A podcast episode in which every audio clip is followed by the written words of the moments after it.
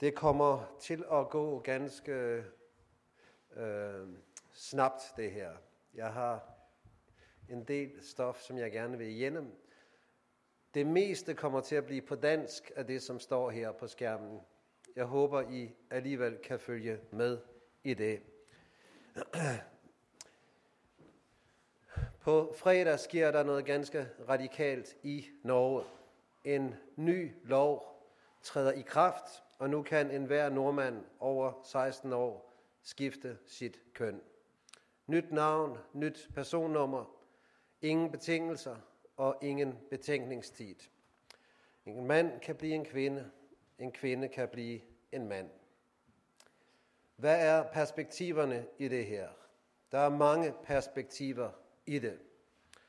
Det første perspektiv, jeg vil nævne, det er spørgsmålet om, hvorvidt en norsk præst har pligt til at vi en person, som har ændret køn. Så at en præst står over for to, hvor den ene er biologisk mand, og den anden er biologisk mand, men den ene af disse to mænd har ændret køn, har en norsk præst pligt at vi dem. Martin Enstad, som er leder i præsteforeningen, siger det sådan her. Ud fra ægteskabsloven kan jeg ikke se, at norske præster har reservationsret. I paragraf 13 i ægteskabsloven står der, at en vigsler i den norske kirke kan nægte at foretage vigsel der, som en af brudefolkene er skilt, og den tidligere ægtefælden lever, eller der, som brudefolkene er af samme køn. Men et par med to ulike køn, som har foretaget et juridisk kønsskifte, falder uden for lovteksten. De, som skifter juridisk køn, kan selv sagt bevare deres oprindelige køns ydre udtryk. Og derfor vil man som forældre kunne få efter på fredag en dobbeltidentitet som både mor og far. Man kan være juridisk mor og biologisk far. Man kan være juridisk far og biologisk mor. Det betyder, at vi fremover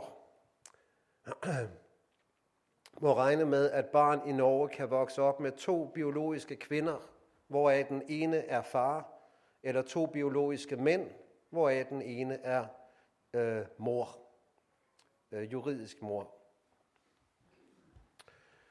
Nogle af dem, som ønsker at skifte juridisk køn, uden at ændre ved deres biologiske udtryk, er erklæret homoseksuelle. Så deres seksuelle interesse er rettet mod deres eget juridiske køn. De er for eksempel biologiske mænd, men juridiske kvinder med seksuel interesse for kvinder. Så det er en person, som har en mandekrop, men er defineret nu fra på fredag at være en juridisk kvinde, og den juridiske kvinde er interesseret i kvinder. Og så kommer spørgsmålet. Skal biologiske mænd efter juridisk kønsskifte have adgang til kvindelige toiletter, omklædningsrum og idrætsgrene? Vi er lidt forrydt i Danmark. I maj øh, sidste år, der opstod en situation i Viborg i Danmark, øh, i et omklædningsrum. Der er en 37-årig biologisk mand, som tre gange har været gift med kvinder og har seks barn. Han går ind i kvindernes omklædningsrum i svømmehallen i Viborg. Og han mener at være i sin gode ret, fordi han oplever sig som kvinde, og fordi han nu har fået et juridisk kønsskifte. Skal mænd biologiske mænd i Norge efter juridisk kønsskifte have denne ret også i Norge. Der er et kolossalt stærkt politisk pres i denne retning. Det kommer internationalt især fra USA. Der går et stærkt ret, pres i retning af, at folk selv skal definere deres køn, uanset deres ydre biologi, og presset kommer som sagt ikke mindst fra USA. Sidst i marts 2016, altså her i foråret, så vedtog North Carolinas lovgivende forsamling, at offentlige toiletter skal benyttes i overensstemmelse med det ydre biologiske køn.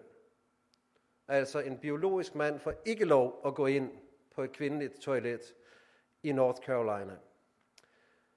Det kommer der en voldsom reaktion imod. Bruce Springsteen, som mange af jer kender, Brian Adams, Pearl Jam aflyser alle deres koncerter i staten.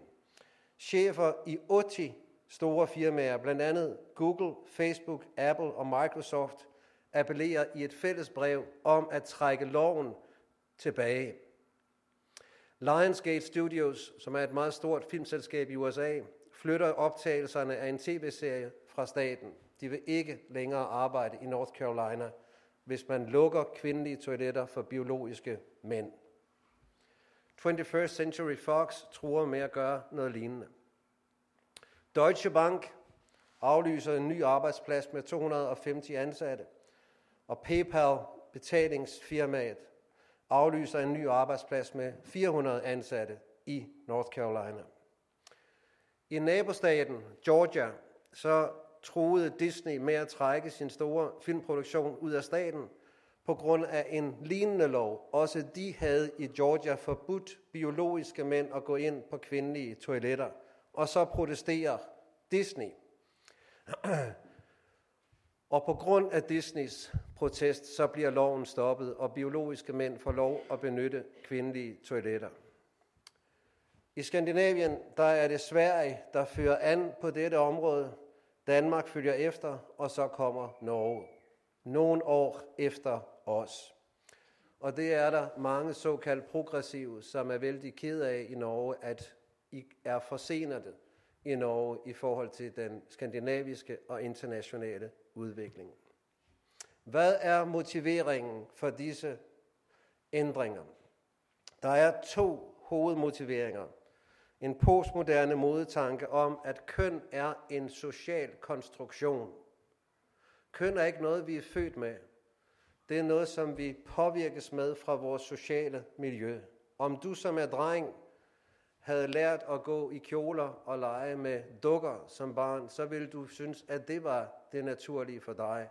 Og om du som pige havde lært at lege med biler og med pistoler, så ville du opleve, at det var normalt. Og hvis du havde lært, at de ting, som din mamma har gjort, var det, som du skulle gøre som dreng, så vil du finde det naturligt. Det er alt sammen noget, vi bare har lært. Det er ikke noget, der kommer indefra, det kommer udefra. Køn er nurture, noget vi oplæres til, og ikke nature, noget der kommer indefra. Det er en postmoderne modetanke. Og så er der et politisk korrekt modeideal, og det er, at seksuelle minoriteter skal have lov til at leve efter deres egne ønsker. Det hører du igen og igen og igen. Og nu har vi i 7-5 år hørt om homoseksuelles rettigheder. Tidligere så har de været i fokus, men nu er det fokus ved at skifte fra homoseksuelle til transseksuelle. Transseksuelle føler ikke, at de tilhører det køn, som de har ifølge deres krop. Nu er det deres rettigheder, vi skal tage vare på. De skal have lov til frit at vælge deres eget køn. De to hovedtanker vil jeg tage fat på nu. Og vi begynder med tanken om, at køn er en social konstruktion. Et postmoderne slagord, men det er ikke en ny idé. Og to historier kan illustrere, at det ikke er en ny tanke. Historien om Bruce Raymer. Brian og Bruce blev født som tvillinger 22. august 1965. De blev begge omskåret, men under omskærelsen så blev Bruces kønsdele ødelagt. Hans forældre, hans mor, bringer ham til psykologen John Mooney. Og denne psykolog har en hovedtanke. Hans hovedtanke er, at køn er en social konstruktion. Så hans anbefaling er, vi gør Bruce til en pige. Bruce kan blive til Brenda. Og så vokser disse to op. Brian og Brenda Raymer. Og han bliver så drengen, der blev opdraget som en pige. Han får ikke lov, og det er betingelsen, han må aldrig høre, at han er født som dreng. Ikke et ord om, at han engang var Bruce. Han må kun lege med pigeting. Han må kun få pigeprægning. Han bliver overvåget af denne psykolog. Han følger tæt hans udvikling. Og ved ni år, da han er ni år, så konkluderer psykologen, det er en succes, og han skriver en artikel om det. Det bliver en verdensnyhed nyhed. Køn er en konstruktion. Det er noget, vi lærer, og en dreng kan lære at blive pige uden problemer. Men realiteten er en anden. Indefra så bærer han på en reaktion mod alt feminint. Han er frustreret, han er oprørsk. Han har ingen pigevenner. Han ønsker kun at lege med drenge. Han bliver kaldt for cave woman, hule pigen. Og han er a very lonely, lonely girl. Som teenager, der bliver han suicidal. Han går med selvmordstanker og selvmordsønsker. Og fordi han har det så svært, så vælger hans mor til sidst at fortælle ham sandheden. Inden for få uger, så vender han tilbage til at være dreng. Efterspillet er tragisk. Han får nogle operationer. Han kommer i et ægteskab. Han får tre adoptivbørn. Men han er traumatiseret for livet. Han lider af tilbagevendende depressioner. Han bliver skilt. I 2002 så dør hans bror øhm, på grund af en overdosis, og han begår selv selvmord i maj 2004. En anden historie. Historien om de kønsneutrale kibbutzer i Israel. Disse kibbutzer, som mange af jer kender til, og nogle af os har været i, de hyldede for manges vedkommende denne tanke om, at køn er en social konstruktion, og her skulle der ikke være nogen forskel på mænd og kvinder i det hele taget. I 1950-tallet, der var der mange kibbutzer, som var bygget op på de her idealer. Og de kunne lave deres egen lille verden, for de var isolerede i forhold til omgivelserne. I disse kibbutzer, der skulle der ikke være nogen ægteskaber. Kun samboskab, og man skulle have hver sit navn. Børnene skulle ikke bo hos far og mor. De skulle bo i børnehuse og tilbringe deres tid der. Om de mødte deres far og mor ude i kibbutzen, så kunne de have noget tid med dem der, men de blev ikke opdraget og opfostret sammen med far og mor. Der var fælles sove og baderum for piger og drenge, for der er jo ingen forskel. Og der var heller ingen forskelsbehandling på piger og drenge. Der var ens uddannelse, der var ens tøj og frisyrer. Pigerne måtte for eksempel ikke bruge smykker og kosmetik. Ens arbejde for kvinder og mænd. Ens roller i hjemmet for kvinder og mænd fælles madlavning, spisning og tøjvask i en stor, øh, et stort fællesskab. Ens roller i fællesskabet i kibbutzen for kvinder og mænd. Og så var der fælles vagt- og militærtjeneste for kvinder og mænd, som der også er det i Norge fra på fredag. Fra på fredag i juli måned begynder fælles indkaldelse af kvinder og mænd til uh, værnepligt i Norge, som I vil vide. Der er en antropolog, Milford Spiro, som er vældig interesseret i de her kibbutzer. Og han kommer og besøger dem på 50-tallet, og han konstaterer, at dette kønsneutrale eksperiment er en stor succes. Kønsneutraliteten er kulturelt bestemt. Det er ikke noget, der kommer indefra, det kommer udefra. Så går der noget tid. Der går 25 år, og så vender denne sociolog tilbage. Milford Spiro vender tilbage efter 25 år, og så får han sit livs chok. For en ny generation er vokset op i disse kibbutzer og har gjort oprør. Ægteskaberne er tilbage nu med stor bryllupsfest. Forældrene har fået børnene hjem. Pigerne leger familie, Drengene leger vilde dyr og får lov til det. De fælles sove- og baderum er opgivet, fordi pigerne, jenterne, jenterne vil ikke vide af det. De vil øh, have det for sig selv og ikke være sammen med gutterne.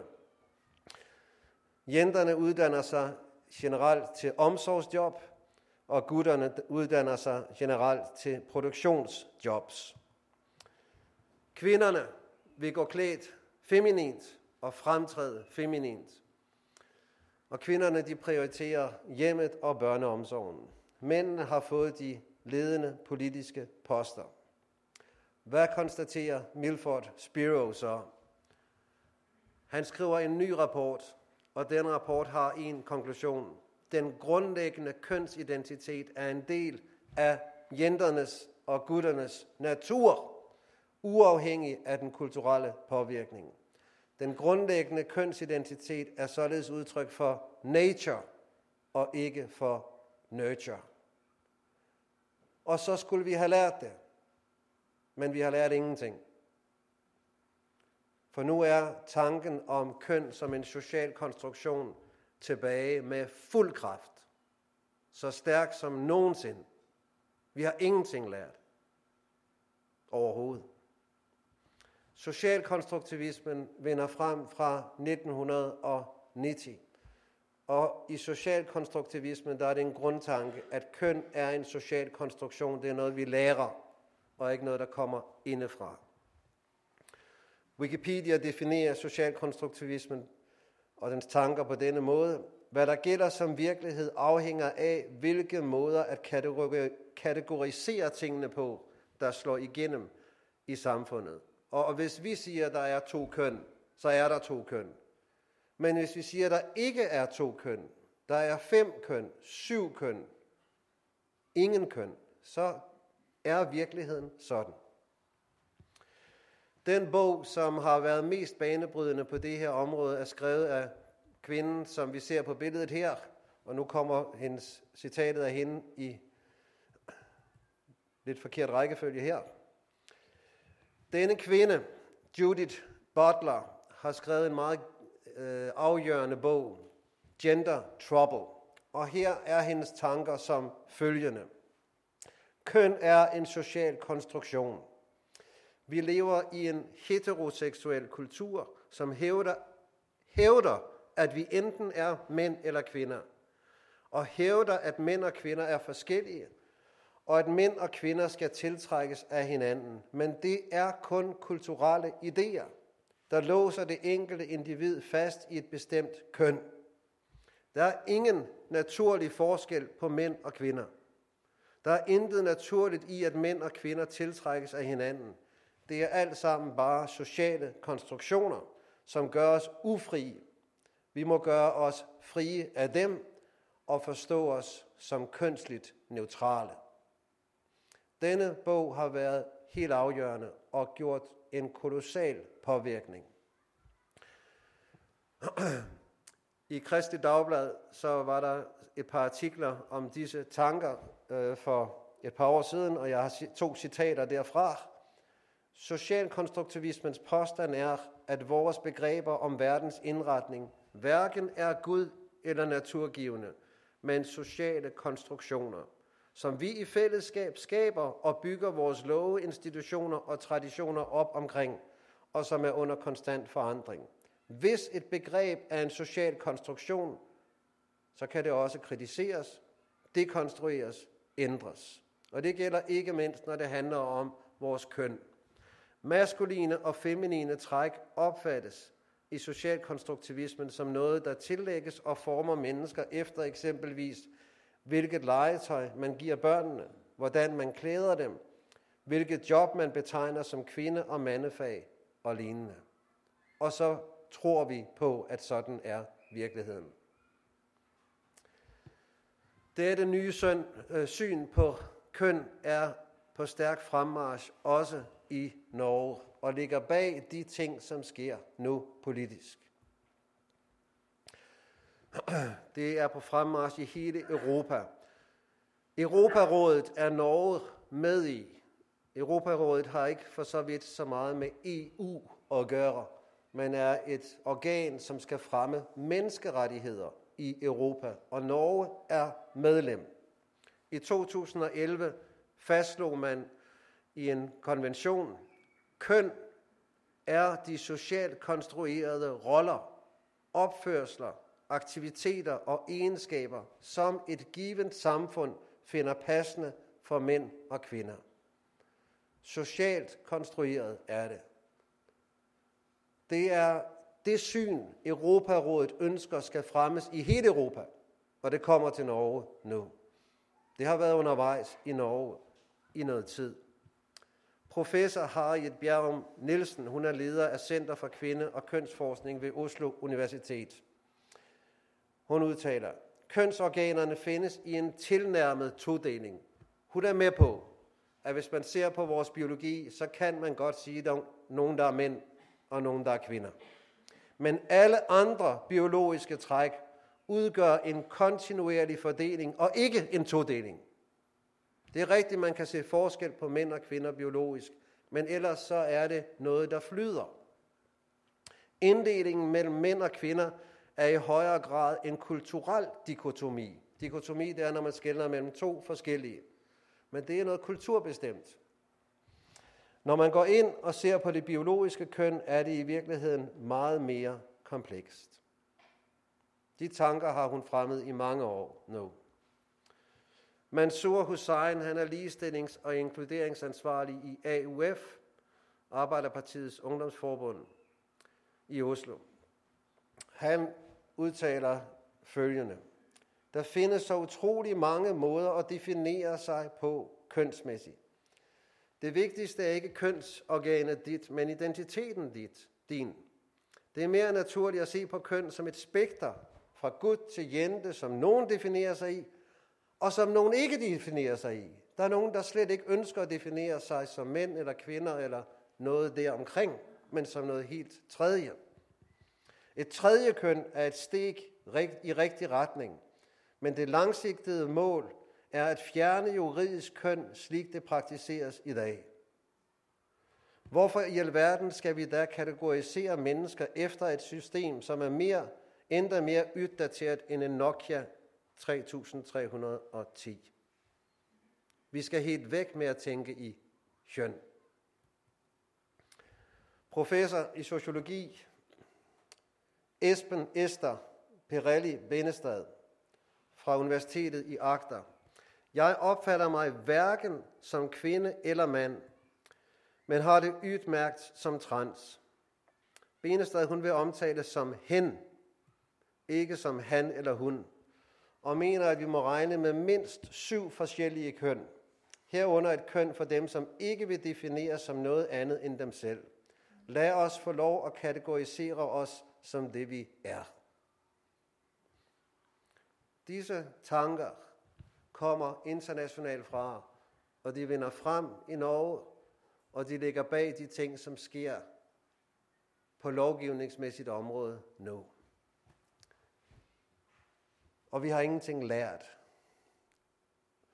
Øhm, um, selvom der er nogen, som løfter en klar røst, også fra ikke-kristent hold. Fra biologerne, så kan vi mange gange få lidt medvind og lidt hjælp, og det kan vi faktisk også nogle gange fra gode seksologer. Ideen om en køn som en social konstruktion har stærk medvind. Den er som sagt central i politisk korrekt tænkning i dag. Men hvad siger den forskning, som baserer sig på nøgterne undersøgelser og bevisførelse? Den forskning, som vi kalder evidensbaseret. Der er en psykolog, Ph.D., Gert Martin Hall fra Danmark, specialist i klinisk seksologi og tilknyttet seksologisk klinik på Rigshospitalet. Han er også lektor ved Københavns Universitet. Han er værd at lytte til. Den totale dekonstruktion af kønnet har haft stor gennemslagskraft og præger dele af den humanistiske kønsforskning – men den er revnende ligeglad med empiri, med det, som vi kan konstatere, når vi går ud og laver nøgterne undersøgelser. Evidensen, det vi kan bevise, peger på, at vi hver især fødes med nogle biologiske vilkår, der udstikker den mest sandsynlige retning for vores kønsidentitet. Kønnet er meddelt, medfødt. Den er en del af vores naturlige biologi. Det er hans pointe. Og det bekræftes af stadig flere biologiske og neurologiske undersøgelser. Jeg har måttet skære ned til et minimum nu. Så bare et enkelt eksempel inden for øh, den del af vores biologi, som vi kalder for neurologien. I december 2013, der offentliggjorde Dr. Regine Verma og Dr. Ruben Gurr en undersøgelse, som på en meget illustrativ måde øh, viser en markant forskel på biologien i mænds og kvinders hjerner. Nerveforbindelserne hos mænd løber generelt på langs inden for en hjernehalvdel. Nerveforbindelserne hos kvinder løber generelt på tværs mellem de to hjernehalvdele. Denne forskel i nerveforbindelserne synes ifølge disse to at forklare en række forskningsmæssigt påviste forskelle i mænds og kvinders generelle kompetencer. At kvinder generelt er bedre til at kombinere tænkning, venstre hjernehalvdel, med intuition, højre hjernehalvdel. De er bedre til at leve sig ind i andre, føle med andre, vise omsorg for andre og kommunikere med andre. Kvinder synes at være bedre til de ting, som vi forbinder med at være gode mødre, siger Dr. Werner. Samtidig så kan det her være med til at underbygge, hvorfor mænd generelt synes at være bedre end kvinder til at læse kort og forstå motorer. Det kan stort set klares ved at bruge en hjernehalvdel. Og de her kompetencer, dem kan vi så primært anvende inden for navigation, transport, teknik og produktion. Forskellene her kan være med til at forklare, hvorfor kvinder generelt er bedre til at multitaske, lave, snakke og arbejde på samme tid. De kan tale og bruge hænderne. Det kan vi ikke. Men det kan forklare, hvorfor mænd generelt er gode til at koncentrere sig om at gøre én ting, uden at lade sig forstyrre. Vældig generende måske indimellem. Det kan være med til at forklare, hvorfor kvinder generelt har god forståelse for, hvad der gavner gruppen, mens mænd har generelt god forståelse for, hvad der gavner sagen. Det er slående, hvor godt mænds og kvinders hjerner kompletterer hinanden. Her handler det ikke om, at den ene er god og den anden er dårlig, men supplerer og kompletterer hinanden. Disse forskelle i nerveforbindelserne er sammenfaldende med og kan tjene til at forklare de store og velkendte forskelle i kvinders og mænds generelle præferencer, når det gælder arbejde. Der er en stor overrepræsentation af kvinder i omsorgsjobs, som for eksempel sygeplejersker. Og tilsvarende er der en stor overrepræsentation af mænd i tekniske jobs, som for eksempel ingeniører. Og så er det vigtigt at fastholde, at der er store individuelle forskelle inden for gruppen af mænd og kvinder, og dermed er der også undtagelser, som bekræfter den generelle regel. Hvad siger Bibelen? Vi skal læse 1. Mosebog 1, 26-27.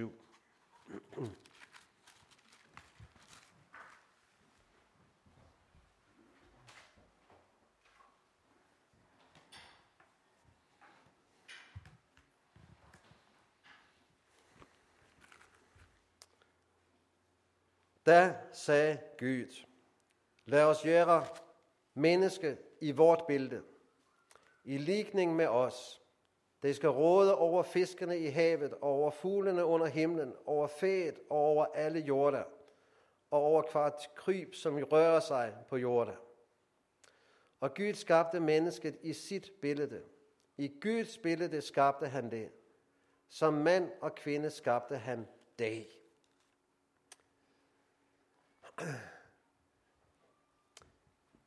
Hvad hører vi her? Men Gud skaber mennesket i sit billede som mand og kvinde. Mandligt og kvindeligt skabte han dem, lyder det på hebraisk. Den maskuline og feminine kønsforskel er en skabergave fra Gud. Mand og kvinde er hver for sig komplette mennesker, skabt i Guds billede. Men i ægteskabets enhed, der er mennesket sammen et billede på Guds egen, eget væsen. På tre måder. Når du læser de to vers her, som jeg har læst, så synes jeg, du skal overveje først, hvor mange er der i disse to vers, som er Gud? Hvor mange er der, som er Gud? I vers 26 og 27. Og så vil du se, hvis du læser vers 27, at der er en, som er Gud. Gud skabte mennesket i sit billede. I Guds billede skabte han det. Men om du så ser i vers 26, så vil du se, at der er flere, der er Gud. Gud sagde, lad os gøre mennesker i vort billede, i ligning med os. Så der er en, der er Gud, og der er flere, der er Gud. Og så vil jeg bede dig overveje, hvor mange er der her, som er menneske. Og hvis du så læser vers 27, så vil du se, at det er, der er ét menneske. I Guds billede skabte, Gud skabte mennesket i sit billede. I Guds billede skabte han det. Der er ét menneske. Men du vil se i vers 26, at der er også flere, der er mennesker. Lad os gøre mennesker i vort billede, i ligning med os. Det skal råde. Og sidst i vers 27, til mand og kvinde skabte han dag. Så vi ligner Gud ved, at mennesket er to, mand og kvinde, og samtidig en. Og sådan ligner vi Gud. Han, som er flere og en på samme tid. Her afspejler vi Guds væsen. Gud er en og mere end en. Det samme er mennesket i ægteskabet. På en forunderlig måde. Vi bliver et kød. Mand og hustru er et væsen. Helt fantastisk. Og derved afspejler vi Guds væsen. Men vi afspejler også Guds væsen derved, at der er kærlighed indadtil i Gud.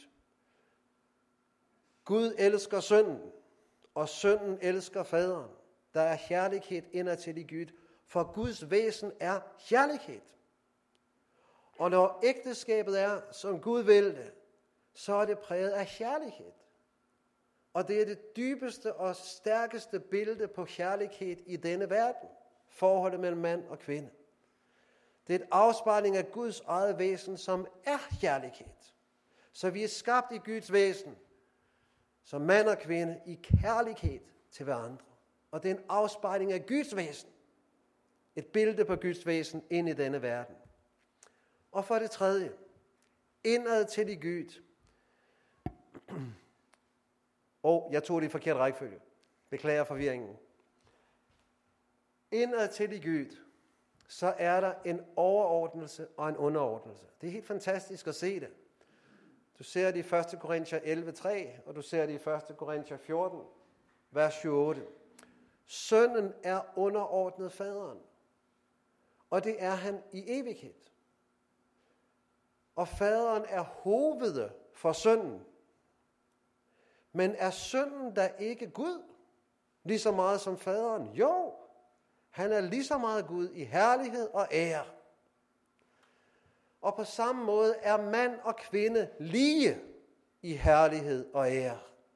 Og alligevel er der i ægteskabet en over- og en underordnelse, hvor manden er hoved og kvinden er underordnet manden, som en afspejling af Guds væsen, hvor en er hoved, og det er faderen, og sønnen er underordnet faderen, og de er lige i ære og værdighed.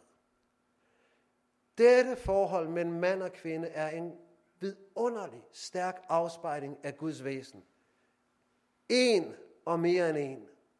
Overordnelse, underordnelse og kærlighed. Mand og kvinde er det grundlæggende billede på Guds væsen i denne verden. Så skal vi se på 1. Mosebog 2, vers 21-24. Og det, jeg har jo fået denne her nynorske, det kan I høre. Så jeg, jeg, jeg kæmper igennem. ja. Der led Gud Herren en dyb svøvn komme over mennesket. Og medan han sov, tog han et af sidebejene hans og fyldte at med kjøtt. Og Gud Herren former af kvinde af det sidebejne, der han havde tækket af manden, og lejde hende til manden. Da sagde manden, denne gang er det bein af mine bein, og kjøtt af mit kjøtt. Hun skal kaldes mandinde, for hun er tækket af manden. Derfor skal manden skiljes fra far sin og mor sin, og holde sig til kone sin, og dag skal være eit kjøtt. Hvad er det, vi hører her? Vi hører, at Gud lader en dyb søvn komme over Adam, og så åbner Gud for et sår i mandens side. Og ydt af mandens åbne sidesår, der får kvinden liv, og så bliver de to et kjøtt. Dette, præcis dette, siger Paulus, rummer en stor hemmelighed. Jeg sigter til Kristus og kirken. For hvordan var det, Kristus vandt sin brud? Gud lod en dyb søvn komme over Jesus på korset. Dødens søvn. Og Gud åbnede for et sidesår i Jesu side. Og ud af Jesu åbne sidesår, der fik menigheden liv. Og så blev disse to ført sammen, og de blev et. Sådan vandt Kristus sin bryd, og sådan blev Kristus og kirken forenet og blev et. Dette forhold mellem manden og kvinden og deres tilblivelse, at kvinden bliver til af manden ud af hans åbne sidesår, det er det grundlæggende billede på frelsen. Forholdet mellem Kristus og kirken, og hvordan han vinder kirken, det afspejles, og det vises i forholdet mellem manden og kvinden. Og det vises, når manden i ægteskabet går ind i den rolle, Gud kalder ham til at gå ind i. For hvad er det, Gud kalder manden til? At ofre sig. Ofre sig for hustruen. Som Kristus har givet sig selv hen for kirken, skal du mand give dig selv hen for din hustru. Investere al din kraft, al din evne, alt i dit liv på at få hende til at blomstre og få liv. Og så bliver ægteskabet et billede på Kristi forhold til menigheden. Han som gav alt for hende. Så forholdet mellem mand og kvinde, og nu summerer jeg op. Forholdet mellem mand og kvinde i ægteskab er det grundlæggende billede i denne verden på Guds eget væsen. Flere og en. Overordnelse, underordnelse, kærlighed, og det er det grundlæggende billede på Guds frelse i Kristus.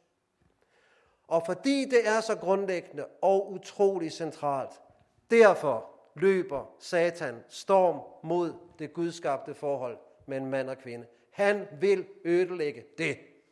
For det er billedet på Guds eget vidunderlige væsen og på Guds egen vidunderlige frelse i Kristus. Derfor skal det brydes ned. Det er den kamp, vi står i i den vestlige verden og i Norge står I i den nu. Ganske kort om ægteskabet. Jeg havde muligheden for at sige mere om det, da jeg var her sidst. Hvad er det, manden er kaldet til i ægteskabet? Mand og kvinde hver sit kald.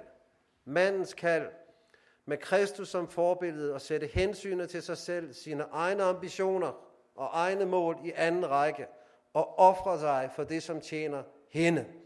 Det var det, Kristus gjorde. Alt offrede han for hende, for at give hende liv. Hans kald er at lede ved at tjene. I 1. Peter 3, der hører vi, at han skal tage hensyn til kvinden som den svære skabning. Og det skal han jo gøre ved at påtage sig det hårdeste arbejde. Og så skal han samtidig, lyder kaldet, behandle hustruen som sin lige i ære. Det er mandens kald. Kvindens kald, hvad er det? At ære, respektere og underordne sig under, støtte sin mand i det, som hans er, kald, er hans kald. Det indebærer ikke en opløsning af det fulde ligeværd i ære og værdighed. Kristus har samme ære og værdighed som faderen. Han er lige så meget Gud som faderen, selvom han er underordnet faderen. Det er det samme, der gælder her. Kvindens kald indebærer ikke en begravelse af egne gode evner og ressourcer. Prøv at læse dette sidste kapitel i ordsprogsbogen, og du vil se, at der er plads for udfoldelse af alle evner, alle gaver i det ægteskab, som er efter Guds vilje. I fuld respekt for manden som hoved. For det tredje indebærer det ikke et kald til eller et forbud mod at ytre uenighed. Et kald til ikke at gøre det. De kvinder, som fulgte Jesus, respekterede ham som rabbi og mester, men de gav udtryk for deres egne tanker, deres egne spørgsmål, og de kunne tale med ham om det i fuld respekt. Ja, og sådan vil en god kristen mand også kun ønske det, og høre, hvad hustruen tænker, for hans kald er jo netop at tjene hende til gavn for hvad der gavner og tjener hende. Sandt. Så han har brug for at høre, hvordan hun har det, og hvad hun tænker. For det fjerde, så indebærer det heller ikke et kald til at acceptere synd og overgreb. Når apostlene blev udsat for overgreb fra myndighederne, så var det ikke et udtryk for manglende respekt for myndigheden, at de protesterede og sagde nej. Men det var, de protesterede, for her blev der overskrevet nogle grænser, som ikke skulle overskrides. Og sådan gælder det også i et ægteskab, når der er tale om, at kvinden forledes ind i, påføres synd eller påføres overgreb. For det andet, så indebærer kvindens kald, at hun giver sit liv, at hun giver liv til slægten, at hun er den, som kan give liv til barn, og det er noget, som har en kolossal ære og værdighed ved sig i det bibelske lys. Hun er den, som kan give liv til slægten, og hendes kald er på en særlig måde at tage hånd om de mindste barn. Manden har hovedansvaret for barnenes oplæring i troen, men kvinden har et særligt kald til at være hos de små, når de er små. Det, som du møder her, denne vejledning for forholdet mellem mand og kvinde, det er kongevejen til et velsignet ægteskab og et velsignet familieliv. Det er det. Her er et lille paradis, som kan under Guds velsignelse udfolde sig i syndens verden, hvor jeg som mand går ind i dette, og hvor min hustru går ind i det, som er hendes kald. Der kan der udfolde sig et lille paradis midt i syndens verden under Guds velsignelse. Kongevejen til et velsignet ægteskab og familieliv, og derfor løber den onde storm mod dette ægteskab. Derfor løber han storm mod Guds ordning for ægteskabet. Det skal ødelægges. Det er det tætteste, han kan finde på paradis i denne verden. Det er et lille paradis, en forsmag på paradis. Det skal ødelægges. Det er det, vi står midt oppe i, i den vestlige verden og i nu i Norge. Det er det, vi slås for. Så meget om det første. Og jeg er opmærksom på tiden her. Det første, som er ligesom motiveringen for, at nu skal kønnene udjævnes, nu skal de forsvinde, det var denne tanke om, at køn er en social konstruktion. Men det andet, som bruges som motivering og argument for, at kønnene skal udslettes, det er, at vi skal vise hensyn til de transseksuelle. Og det er jo ikke en problemstilling, som må forsimples. Jeg er helt opmærksom på, når jeg taler om dette, så kan der også her i denne forsamling være nogen, som det i virkeligheden gælder om, at de lider på dette område ved indadtil at have det sådan, at de har en krop som mand, men føler sig indadtil som kvinder. De har en krop som kvinder, men føler sig indadtil som mænd. De findes også i den kristne forsamling. Så det her er ikke noget, vi skal tage letvindt og tale for simpelt om. Jeg vil prøve at præcisere nogle ting her og give definitioner på personer med uklar kønsidentitet. Vi taler om interseksuelle. Det er personer, som, hvor der er en uoverensstemmelse mellem deres kromosomer og det køn, de har som med, ud fra deres kromosomer, og så kønsorganerne. Hvis du ser på kromosomerne, så er det en mand, men hvis du ser på kønsorganerne, så er det en kvinde. Det er også nogen, som kan have tvetydige kønsorganer, hvor det kan være svært at sige, er det en dreng, er det en pige? Det er nogen, som kan have begge kønsorganer, eller kønsorganer for begge køn, både æggestokke og testikler. I Norge, så fødes der hvert år omkring 20, øhm, øh, 2-0 barn, hvor dette gælder. At det er faktisk svært at sige, om det er en gut eller en jente. Historisk, og også i Norge, så er der foretaget operative indgreb med henblik på at gøre det dominerende køn mere entydigt. Og så vidt jeg kan vurdere, så er det noget, som vi må støtte som kristne. At man understøtter det dominerende køn og gør det mere tydeligt. Aktuelt så er der et pres fra, fra politisk korrekt tænkning i retning af, at vi skal definere de her tvetydigt interseksuelle som et ligeværdigt tredje køn på linje med kvinde- og mandekønnet. Og så skal vi betragte kirurgiske indgreb som overgreb. For hvem siger, at der kun er to køn? Ikke sandt? Frekvensen er 0,02 procent. Transvestitter, det er bare for at tydeliggøre, hvad de, hvordan de adskiller sig fra transseksuelle. Det er personer, der ønsker periodisk at klæde sig og optræde som det modsatte køn. De er generelt seksuelt orienteret mod det modsatte køn, og er tilfredse med deres eget biologiske køn. Det er svært at sige, hvor mange og hvor høj frekvensen er, øh, fordi mange holder det hemmeligt. Og så kommer vi til de transseksuelle, som er dem, der fylder mere og mere i den offentlige debat. Personer, der indefra oplever at have et andet køn end deres ydre biologiske køn. Antallet er ukendt, men der er tale om en meget lille minoritet. Ikke desto mindre, så må vi tage det her alvorligt. Eksistensen af denne lidelse er indiskutabel. Der er nogen, der virkelig har det sådan. Og det er en afgørende smerte at have det sådan. Men der er ikke tale om en entydig størrelse.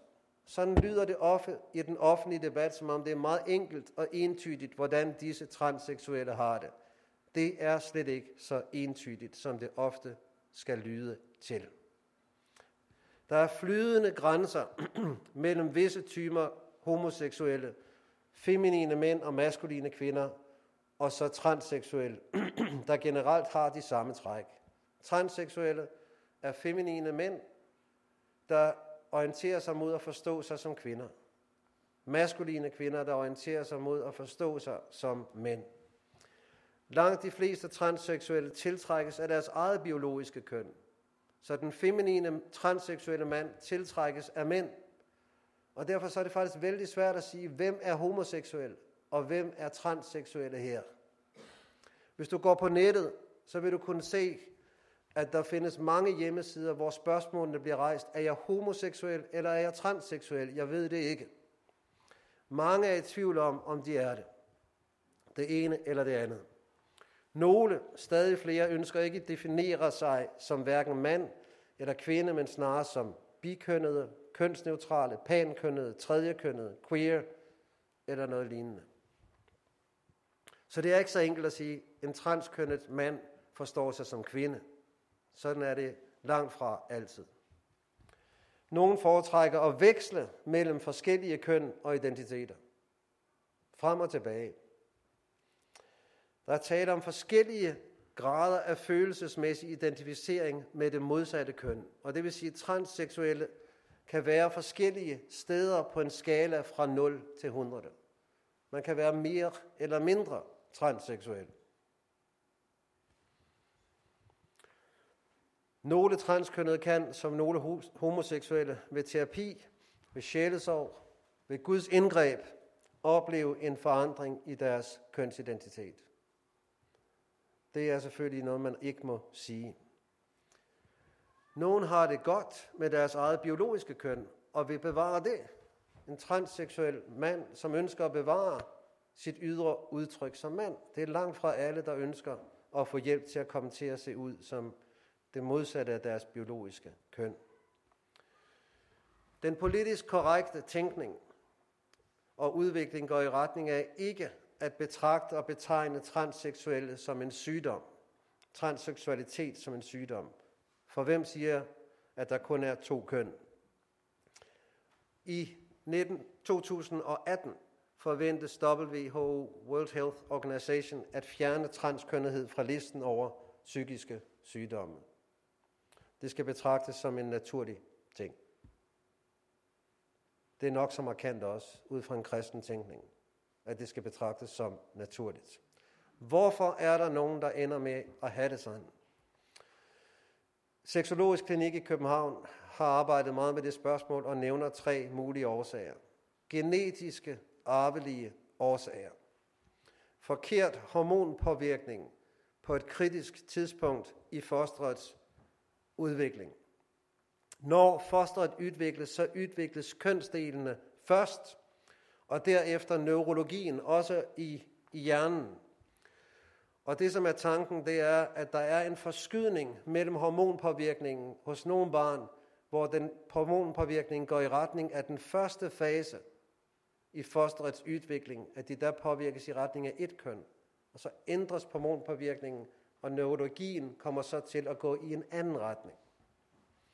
En tredje teori er, at det skyldes påvirkninger i barnets første leveår. Men ingen ved det. Vi kan se på biologien hos nogle transkønnede, at de faktisk er anderledes end dem, som ikke er transseksuelle. Hos markant transseksuelle mænd, der kan man i hjernerne se, at de øh, ligner kvinders hjerner. Og tilsvarende, så gælder det for markant transseksuelle kvinder, at deres hjerner ligner mænds hjerner. Så på en skala her, hvor man kan gå fra transseksuelle mænd til, nej, heteroseksuelle mænd til heteroseksuelle kvinder, der ligger de transseksuelle kvinder i deres hjerner tættere på den heteroseksuelle mand, og transseksuelle mænd ligger tættere på den heteroseksuelle kvinde i deres hjerner. Det kan man se. Og det er jo med til at underbygge, at der er tale om en reel lidelse, og ikke bare noget, man bilder sig ind. Psykologiske indikatorer. Transseksuelle mænd er generelt stærkt feminine og søger et kvindeligt ideal. Transseksuelle kvinder er generelt stærkt maskuline og søger et mandligt ideal.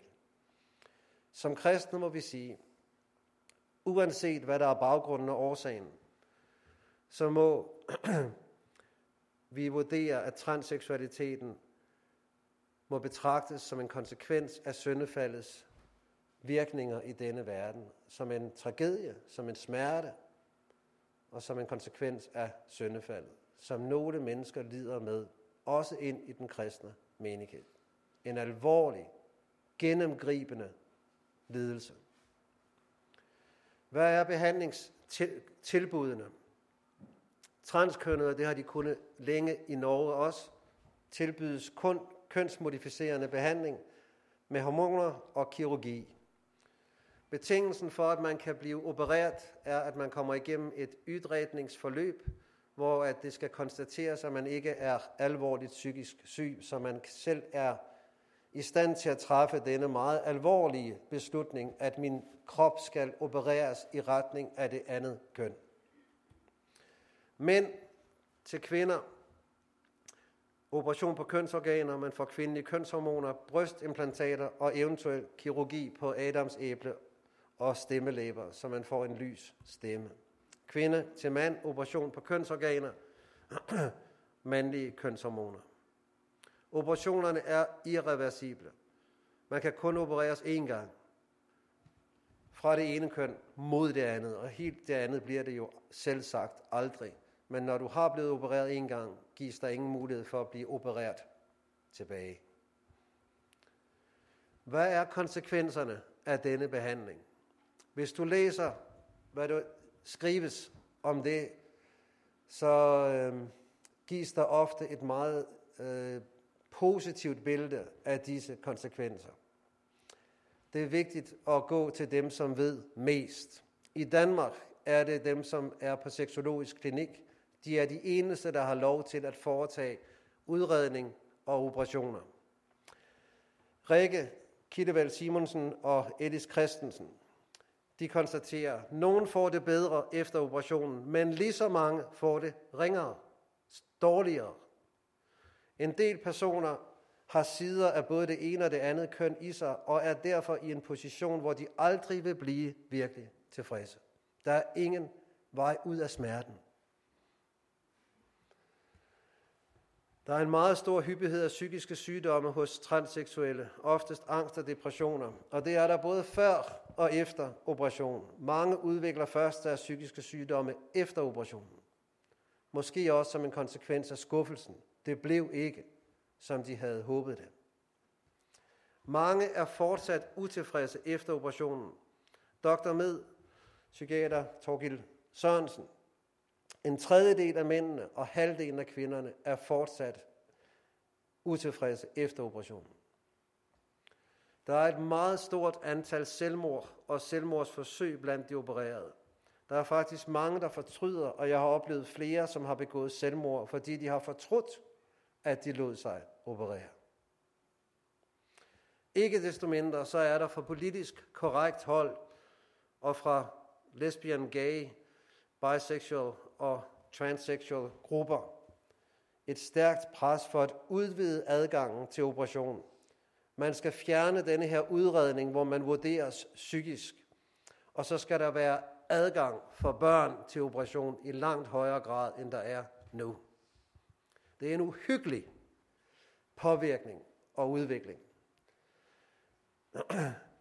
Pressionen for at få børn opereret lader sig ikke anfægte af en entydig forskning, der viser, at børns uklarhed om deres køn for langt, langt de fleste er forbigående.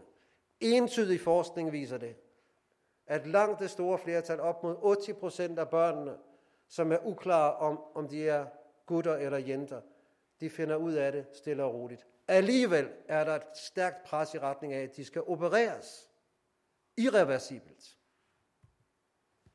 En af verdens mest fremtrædende forskere inden for børn og transseksualitet, transkønnethed, Kenneth Socker, han blev sidste år fyret fra University of Toronto. Og han blev fyret af en grund, fordi han holdt igen i forhold til operation af børn. Universitetet udtalte, han var ikke i trit med den nyeste tænkning. Prøv at lægge mærke til, hvad der ikke står. Der står ikke, at han ikke er i trit med den nyeste forskning. For al forskning viser, at børnene bliver for det store flertals vedkommende afklaret. Men den nyeste tænkning siger, at de skal opereres med det samme. Det er ganske enkelt rystende. Gert Martin Hall fra København. Gode forskere vil trække sig fra det her område.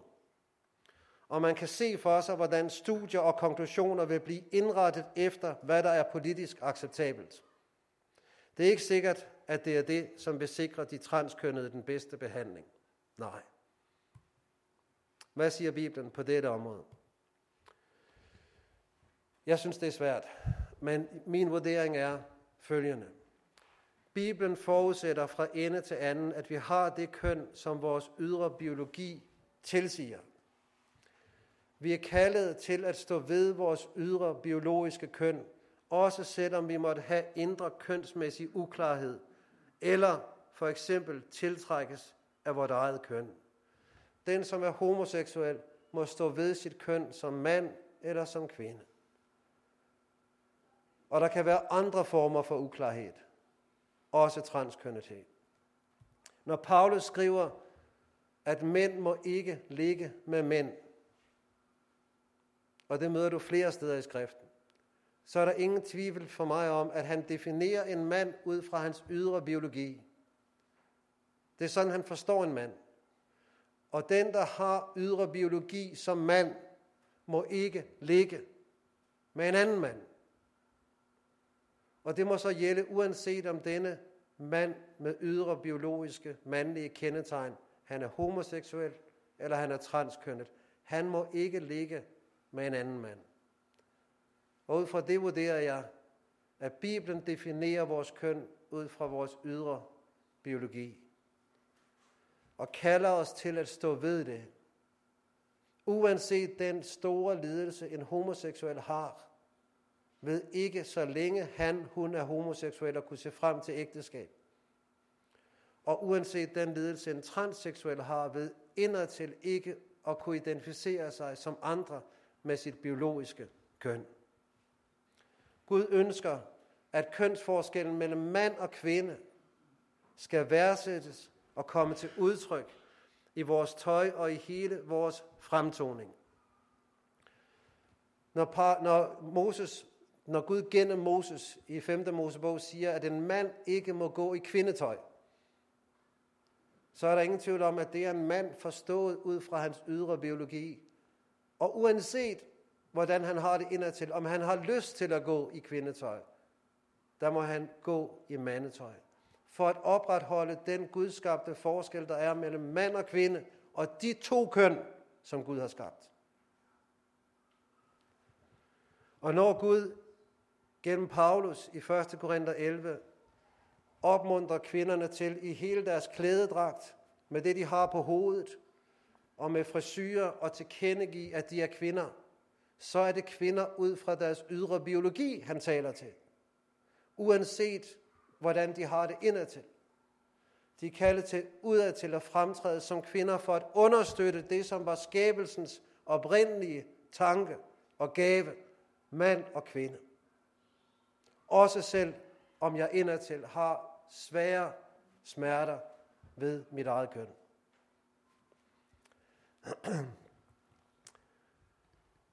Bibelen kender til, at nogen har en uklar kønsidentitet. Jeg slutter nu.